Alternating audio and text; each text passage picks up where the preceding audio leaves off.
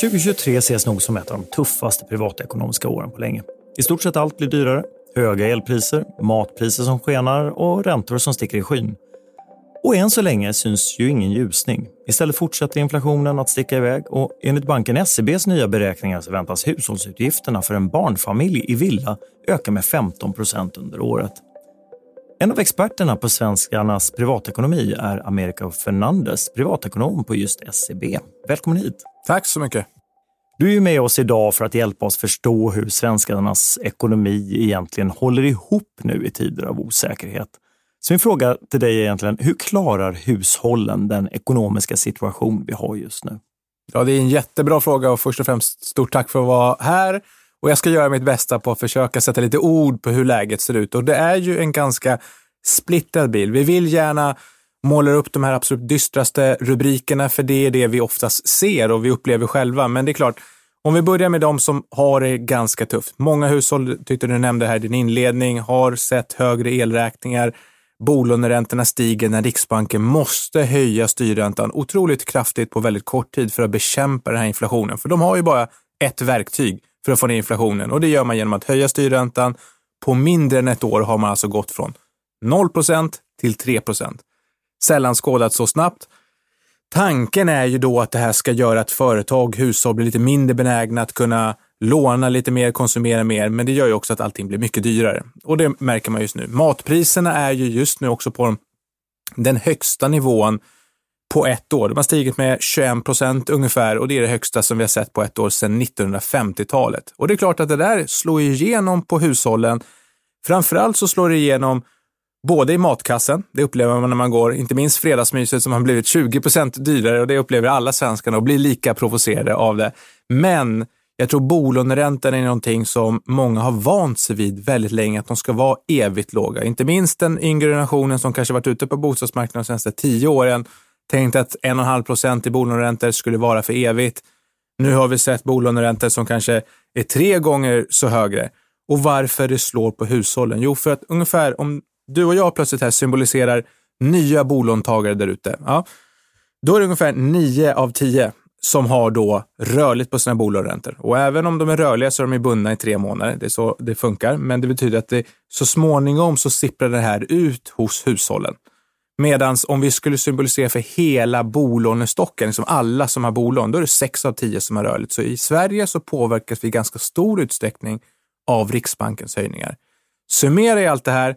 Hur har hushållen påverkats? Ja, hittills har inte, det som chockar mig och förvånar mig när jag sitter på kvällen och tänker på ekonomi, det är ju att den här ekonomiska verkligheten inte riktigt har sipprat ut fullt ut än. Det talar mer för våren och sommaren som kommer bli extra tuff. Varför då? Jo, för vi kommer av två år, pandemiåren. Vad, vad kunde vi inte göra? Vi kunde inte konsumera, vi kunde inte resa, eller hur? Så vad gjorde vi? Vi sparade, rekordsparade. Hushållen rekordsparade.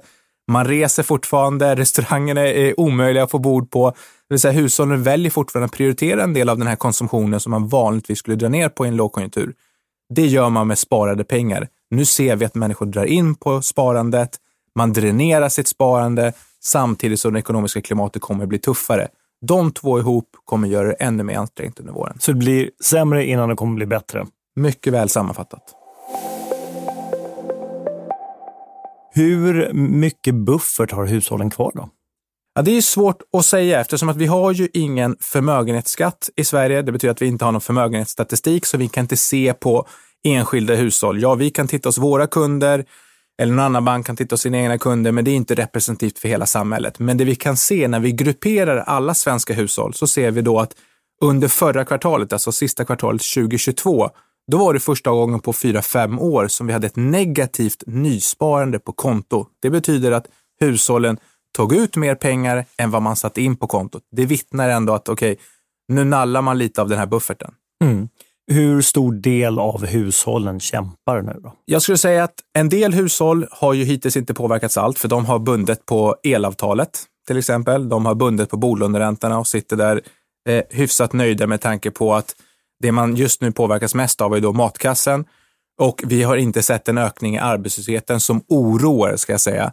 Det betyder att människor inte har blivit av med jobbet och inkomsten inte har fallit. Men småbarnsfamiljerna, utan tvekan, Eh, är man en villaägare på det också och bor i södra Sverige där elpriserna har varit rekorddyra, då är det riktigt tufft. Men som många gånger i en lågkonjunktur så är det de med lite mindre ekonomiska marginaler. Jag tänker ensamstående, en inkomst, eh, kanske mer konjunkturkänsligt arbete och fasta höga utgifter. Det är där vi har de, de svåraste och mest sårbara grupperna. Mm, kommer, kommer de här hushållen att klara det ökade trycket som nu kommer på dem?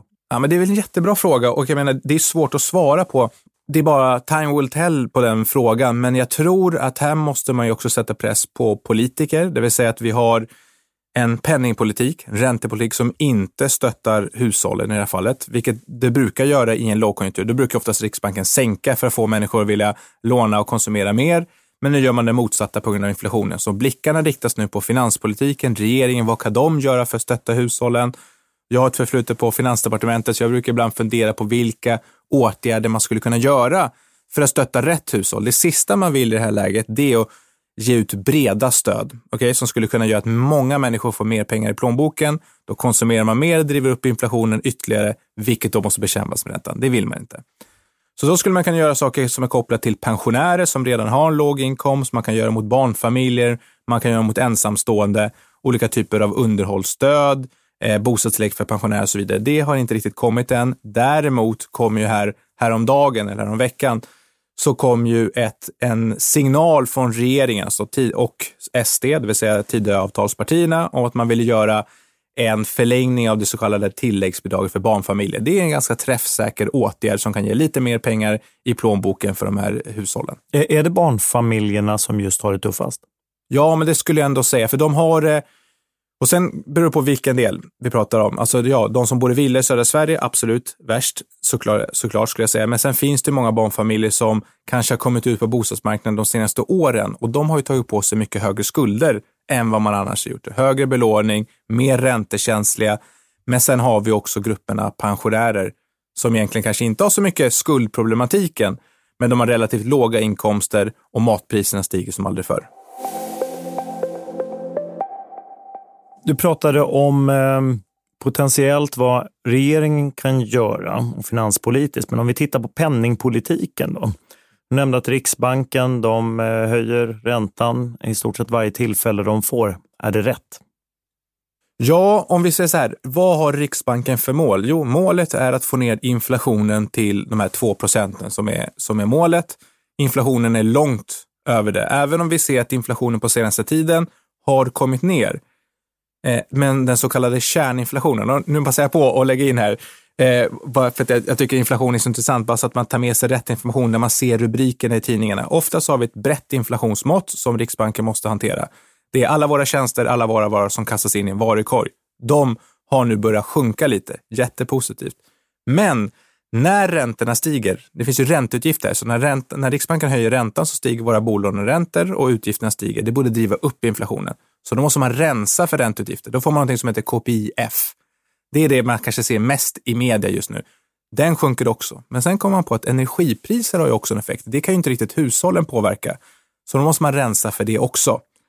Det vill säga, då får man den här KPIX, kärninflationen. Och är det någon inflationssiffra som hushåll och lyssnarna här ska hålla koll på så är det kärninflationen. Matpriserna, klädpriserna, det vi faktiskt konsumerar den vände ju faktiskt upp senaste månaden och det är det som oroar Riksbanken, vilket jag tolkar som att man kommer, eller Erik Thedéen, riksbankschefen, var väldigt också tydlig, att man har låg tolerans för hög inflation. Så viker inte den ner, då ska man garantera sig att det kommer fler höjningar. Och när måste den vika ner?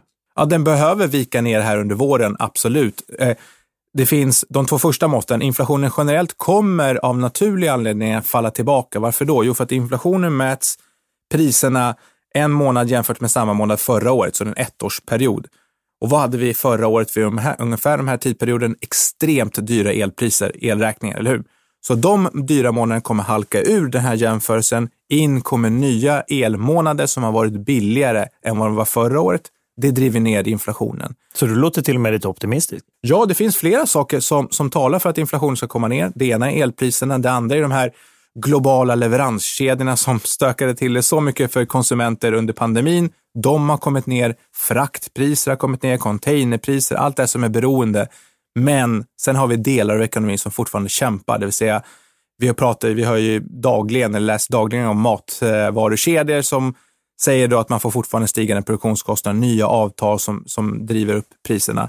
Men skulle jag ändå säga, vad innebär det här för Riksbanken då? Jo, om vi är på 3% idag så talar det mesta just nu, man måste ju, som Erik Thedéen säger, vi, vi är lika bra att prognostisera som meteorologer, men vi gör ändå vår bästa gissning här och inväntar ny data. Om det kommer ytterligare information som kan spöka till det här ännu mer så ska man ju då revidera den planen. Men som det ser ut nu så är det alltså en dubbelhöjning vi förväntar oss i slutet av april. Och det betyder 0,5 procent? Det betyder 0,5 eh, procentenheter i det här fallet, så hamnar man på 3,5 och sen ytterligare en kvarts procentenhet i juni, i slutet av juni. Så då toppar vi alltså på en styrränta runt 3,75 procent.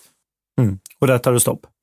I bästa av världar så tar det stopp och så som vi ser läget nu så borde det vara tillräckligt för att få ner den här inflationen. Men nu har vi allt det här stöket som jag menar, vi pratade precis här innan, vad som händer i Credit Suisse, vad som händer i USA, allt det där stöket. Vi vet inte riktigt var det där har bottnat ännu och det kan stöka till det ytterligare. Så juryn är inte riktigt sagt sitt där, men det är så som läget ser ut nu. Och det, om jag säger 3,75 i styrränta, så borde det innebära en topp på bolåneräntorna runt 4,5-5 procent. Ja, men det var ju bra att få rensa ut den då. Lite positivt, eh, försiktigt optimistiskt eh, där. Men, men om vi passar på att se om vi får ett svar också på en annan fråga. Mm. För att en nyhet som kom här tidigare år var att Sveriges ekonomi faktiskt utvecklas sämst i hela EU. Hur kommer det sig? Ja, och det var lite diskussioner om, om den siffran och det ena är ju olika möjliga förklaringar eftersom att det, var, det här är kvartalsdata och det är BNP och hur det rör sig mellan kvartalen och så vidare. Och en möjlig förklaring var ju då att eh, vi var inte lika långt nere negativt, så att säga, som de många andra länder var under pandemin. Det vill säga, många stängde ner sina ekonomier helt kraftigt, fick enorma fall i sin tillväxt och sen började en återhämtningsresa. Och när man återhämtar sig så förväntar man sig också högre tillväxtsiffror. Frågan hos oss var ju lite att, okej, okay, den här nedgången som vi riktigt aldrig såg förutom kvartal två, om jag inte minns fel, under pandemin, alltså 2020, så kommer den här lite senare då. Så det här är liksom en fördröjd effekt av de här sakerna. Och vi är ju också en liten öppen ekonomi. Vi kom betydligt senare in i räntehöjningarna än vad USA gjorde och så vidare. Så det var kanske en komponent av de sakerna skulle jag säga. Så om jag ska tolka dig korrekt här så är egentligen inte siffrorna där heller så dystra som det ibland kan låta? Nej, jag tycker inte det. Jag tycker det, det Sverige har hanterat det här relativt väl. Alltså vi har en motståndskraftig arbetsmarknad. Vi har inget stort, en stor ökning i arbetslösheten ännu. Företagen fortsätter ändå vara duktiga på att vältra över stigande produktionskostnader i slutpriser. Det kan man tycka som privatperson inte är så härligt och nice, men det gör ju också att företagen inte behöver säga upp människor. Och, och hushållen verkar ju klara av det. Ja. Men det, det, var ju bra, två av tre, för att jag har en till här som vi ska se om vi, du kan hjälpa oss att bli positiva. Eh, svenska hushåll är ju bland de mest skuldsatta i hela Europa. Hur blev det så? Det är en jättebra fråga och det är någonting som har oroat inte minst Finansinspektionen och Riksbanken under många, många år. Mer eller mindre varje penningpolitisk rapport som jag inte förväntar att ni ska läsa, utan jag sitter ibland och, och läser dem där, så poängterar man de här riskerna och det är en, en kombination av skulle jag säga, stigande reallöner under mer, mer än ett decennium. Och vad innebär det? Jo, det innebär att vi har haft en låg inflation under 2 procent i vissa fall och du kan få en löneökning på säg 2-3 procent. Det betyder att med den lönen så kan du köpa mer varor och tjänster och bostäder. Sen har vi komponenten att vi har extremt låga räntor under ett decennium. Gör det också ännu billigare. Ibland pratar vi om att vi har bolåneräntor på liksom 1,2 och 1,3 procent. Det är ju historiskt. Prata med någon som var med under 90-talet. Man tänker att det här är, det är, det är sinnes, eh, den perioden vi har. Och sen har vi det generella liksom demografiaspekten och byggandet. Lågt byggande, eh, en väldigt stor efterfrågan. Tänk dig alla det här lasset av studenter från olika delar av Sverige som studerar och var vill de flytta? Jo, storstäder, Malmö, Göteborg, Stockholm, litet byggande, hög efterfrågan, litet utbud, stiger priserna. Allt det där tillsammans har drivit upp priserna och därmed skulderna. Men hur ser du på utvecklingen där framöver? Och kommer det här att fortsätta? Där har vi en tydlig inbromsning, i alla fall det senaste året, både på skuldsättningen, vi märker att hushållen tar på sig mindre och mindre skuld. Man är lite mer försiktig och det är också en återspegling av de fallande bostadspriserna. Från toppen i mars 2020, 2022, eh, förlåt, eh, det är där vi såg toppen på bostadsmarknaden, har priserna fallit runt 15-16 procent. Eh, beroende, lite mindre på bostadsrätter, lite mer på villor såklart, för det är förknippat med mer risk. Vad ser vi kommer hända nu framöver? Jo, vi tror ändå, givet den här eh, kanske lite, inte så muntra bilden av konjunktur som jag ser framöver, de närmaste halvåret, eh, nio månaderna, så talar det för att det kommer vara fortsatt ansträngt för hushållen. Bostadspriserna måste fortsätta falla, inte minst i alla fall till halvårsskiftet. Räntehöjningarna måste stanna av innan bostadspriserna kan stabiliseras. Så hur mycket är prognosen nu då på att bostadspriserna kommer att gå alltså, ner? Då förväntar vi oss, från den här toppen då från mars förra året, så förväntar vi oss 20 procent ner. Så vi har 4, 5, 6 procentenheter kvar att gå till den här bottennivån innan det stabiliserar sig. Men det värsta sig. är alltså taget? Det värsta är taget och jag skulle säga att den vanligaste frågan jag får på, på just bostadsmarknaden när jag väl säger 20 procent, okej, okay, är det en bostadskrasch? Nej, skulle jag säga. Jag tycker att snarare de två åren vi hade under pandemin där bostadspriserna steg 10-12 procent 2020, 10-12 procent 2021, det var exceptionellt. Om vi går ner 20 procent så ligger vi fortfarande på en högre nivå än vad vi låg innan pandemin. Det är precis som på börsen. När börsen överreagerar på någonting så pratar man om rekyler, studsa tillbaka lite. Det är väl lite det vi ser nu till lite normala nivåer. Jag vill gå tillbaka till det här med skuldberget som svenskarna släpar runt på. Hur illa är det? Det är en illa, skulle jag säga så här, jag är inte oroad för samhället som stort, för det finns många stresstest som inte minst banker gör, det vill säga att du ska kunna klara 6-7 procent i Eh, så kallad kalkylränta. Så bankerna, även när räntorna var på 1,5 procent, skulle kunna klara, vi räknar med att du ska klara 6-7 procent. Så man bygger upp en, en, en buffert i det här fallet. Det andra är ju att vi har ju olika amorteringskrav som har trätt i kraft sedan 2016 och så vidare som gör att du betalar av på dina skulder. Och sen har vi det så kallade bolånetaket som då eh, gör det att du behöver ha 15 procent i kontantinsats. Så allt det där tillsammans gör ju att det, ja, husen har tagit på sig mer skulder, men det är ju en effekt av de stigande bostadspriserna. Om det är ett stort problem för samhället skulle jag säga, nej, jag är inte lika orolig för det. Däremot såklart att det får en större effekt i Sverige när vi höjer räntorna innan många andra länder och det är ju för att många har rörligt.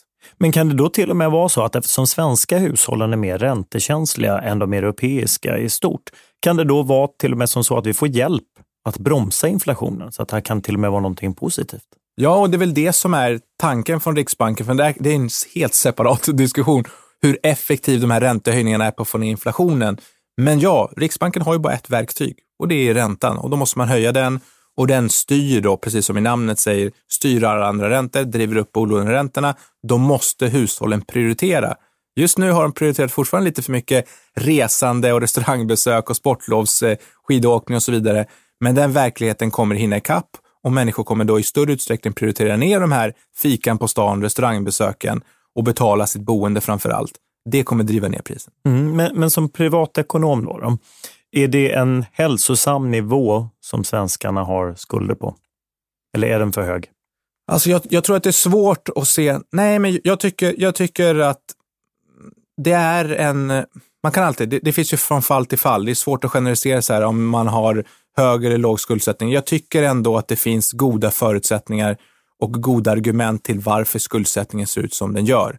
Jag tycker inte att jag har sett någon större trend av att människor överskuldsätter sig i det här läget och spekulerar med de pengarna och hamnar i en dålig situation. Det finns alltid en risk för det och det finns enskilda grupper som gör det. Det vill säga, vi får se fortfarande en del statistik, oroväckande statistik hos Kronofogden till exempel. Men det, jag tycker inte att det återspeglar hela samhället, utan det är enskilda grupper som det alltid finns i ekonomin. Mm, men det är ju 400 000 ungefär som har skulder till Kronofogden. Då. Behöver man göra någonting mer för att minska det antalet? Ja, absolut. Det ena handlar om utbildning. Det ena handlar om det vill säga att prata privatekonomi i tidig ålder med, med ungdomar i, i skolan. Ett annat är det här som ni gör nu här med podden. Du tycker ett utmärkt exempel. Man pratar och adresserar de här frågorna och försöker sprida information. Det är ju viktigt. Sen bär ju alla vi som en del av finansmarknaden ett ansvar också att försöka bedriva sund kreditgivning och informera om hela bilden Eh, och min uppgift som, som privatekonom är ju i slutändan inte att peka med hela handen eh, och säga så här ska du göra, så här ska du inte göra, utan det är att informera att de här besluten får de här effekten och så ska människor förhoppningsvis fatta mer välinformerade beslut om sin framtid. Mm. Men om vi då tittar på eh, en banks ansvar, vad kan en bank göra för att hjälpa hjälpa en person som börjar få svårt att betala räkningar och lån? Mm, det, där, det där är en jättebra fråga och där ska man ju alltid ha en, en löpande dialog med sin bank, eh, tycker jag, och försöka vara transparent och så vidare. Att här har man det tufft och så vidare så att man kan få en diskussion och men, har du tillräckligt eh, buffertsparande? Och det här gäller ju oftast att ha, varför jag säger löpande, så att man inte bara gör det när det krisar. I bästa av världar gör man det här även i högkonjunktur där det går bra. Men det är ju svårare då, för då vill man bara gasa på och så vidare. Men om man påverkas eh, på riktigt, det vill säga, det, nu menar jag, om du har till exempel drabbats av sjukskrivning, arbetslöshet eller dina levnadskostnader stigit på tok för snabbt, då finns det, och du är bolåntagare till exempel, då finns det den så kallade amorteringsventilen. Om vi backar bandet till, till senaste valrörelsen så pratade nästan alla politiker om att vi skulle slopa amorteringskraven och pausa dem likt vi hade under pandemin. Sen analyserade Finansinspektionen det så att aj, det där är så få som kommer behöva använda det. Det finns en risk också att det kan driva upp inflationen. Gör inte det där. Istället hänvisar man till den så kallade ventilen, det vill säga att man kan få tre månader amorteringsfritt om du har drabbats av någonting av de här sakerna som jag nämnde. Även föräldraledighet är ju en drastisk nedgång av inkomsten, skulle också kunna vara en anledning till att man kan få amorteringsfritt. Hur, hur vanligt är det då att den här ventilen används? Mer och mer skulle jag säga nu. Det är inte på de här nivåerna som vi såg under pandemin där alla kunde ansöka amorteringsfritt brett. Men vi ser ändå en, en stadig ökning hos hushållen eftersom att många har, det är inte bara arbetslöshet och sjukskrivning, utan det är levnadskostnader som också är ett godkänt villkor enligt Finansinspektionen. Ränteutgifter är det inte. Däremot elräkningar och stigande matpriser, att man märker att jag har samma inkomst som mina månatliga utgifter har dubblerats till exempel. Skickar man in det där och så kan man få eh, tre månader för att börja med som amorteringsfritt. Och vad är kravet för att jag ska få amorteringsfritt? Ja, men det är arbetslöshet, sjukskrivning, stigande, kraftigt stigande eller förändrade levnadskostnader. Men det har ju i stort sett alla. Jo, och jag menar, men det är inte alla som känner bara för att man har en högre levnadskostnad att man inte har en inkomst som kan hantera det där. Och vissa är två i ett hushåll, vissa är ensamma i ett hushåll och inte minst de som har eh, kanske ensamma och ska dra runt ett bolån. Där är det någonting som jag skulle definitivt rekommendera. Här är inte jag blyg. Ibland kan jag tycka ekonomer varierar lite hur mycket man ska uppmana till att ansöka om amorteringsfritt och så vidare för att amorteringskultur är någonting bra. Det är ett bra sparande och det tycker jag också. Men jag tycker ändå att man inte ska vara rädd för att söka det här, för jag tycker det här kan vara någonting som faktiskt kan stärka din situation i det korta perspektivet. Du kanske till och med kan spara lite mer om du inte får det här cashflowet ut i form av amortering. Så var inte rädd att, att använda av det verktyget. Nej, var inte rädd för att använda eh, amorteringsventilen, säger här Americo Fernandez på banken SEB. Vi var inne på det innan också, men när tror du att det här blir bättre då? 10 000 kronors frågan. Ja. ja. Och det är ju fullt rimligt att man vill veta. Och det skulle jag säga, det hushållen måste vara inställda på det är att 2023 är och kommer vara ett tufft år. Det betyder att vi kommer kunna köpa mindre för våra löner. Vi kommer se att allt runt omkring oss blir lite tuffare. Men det vi måste leta efter det är att räntan stannar upp, det vill säga att det inte fortsätter att höja. Det är viktigt för att stabilisera. För att det ska ske så måste priserna komma ner. Och det bedömer vi då borde kunna ske i alla fall andra halvåret 2023. Så just nu, närmaste halvåret kommer vara tufft. Mycket kommer att stöka till det. Förhoppningsvis kommer vi se en stabilisering under hösten och sen 2024 blir väl det stora återhämtningsåret. Tufft att höra kanske nu på inledningen av 2023, men det är, det är så vi ser på läget just nu. Americo Fernandez, stort tack för att du kom och gästade Överskuldsättningspodden. Tack så mycket.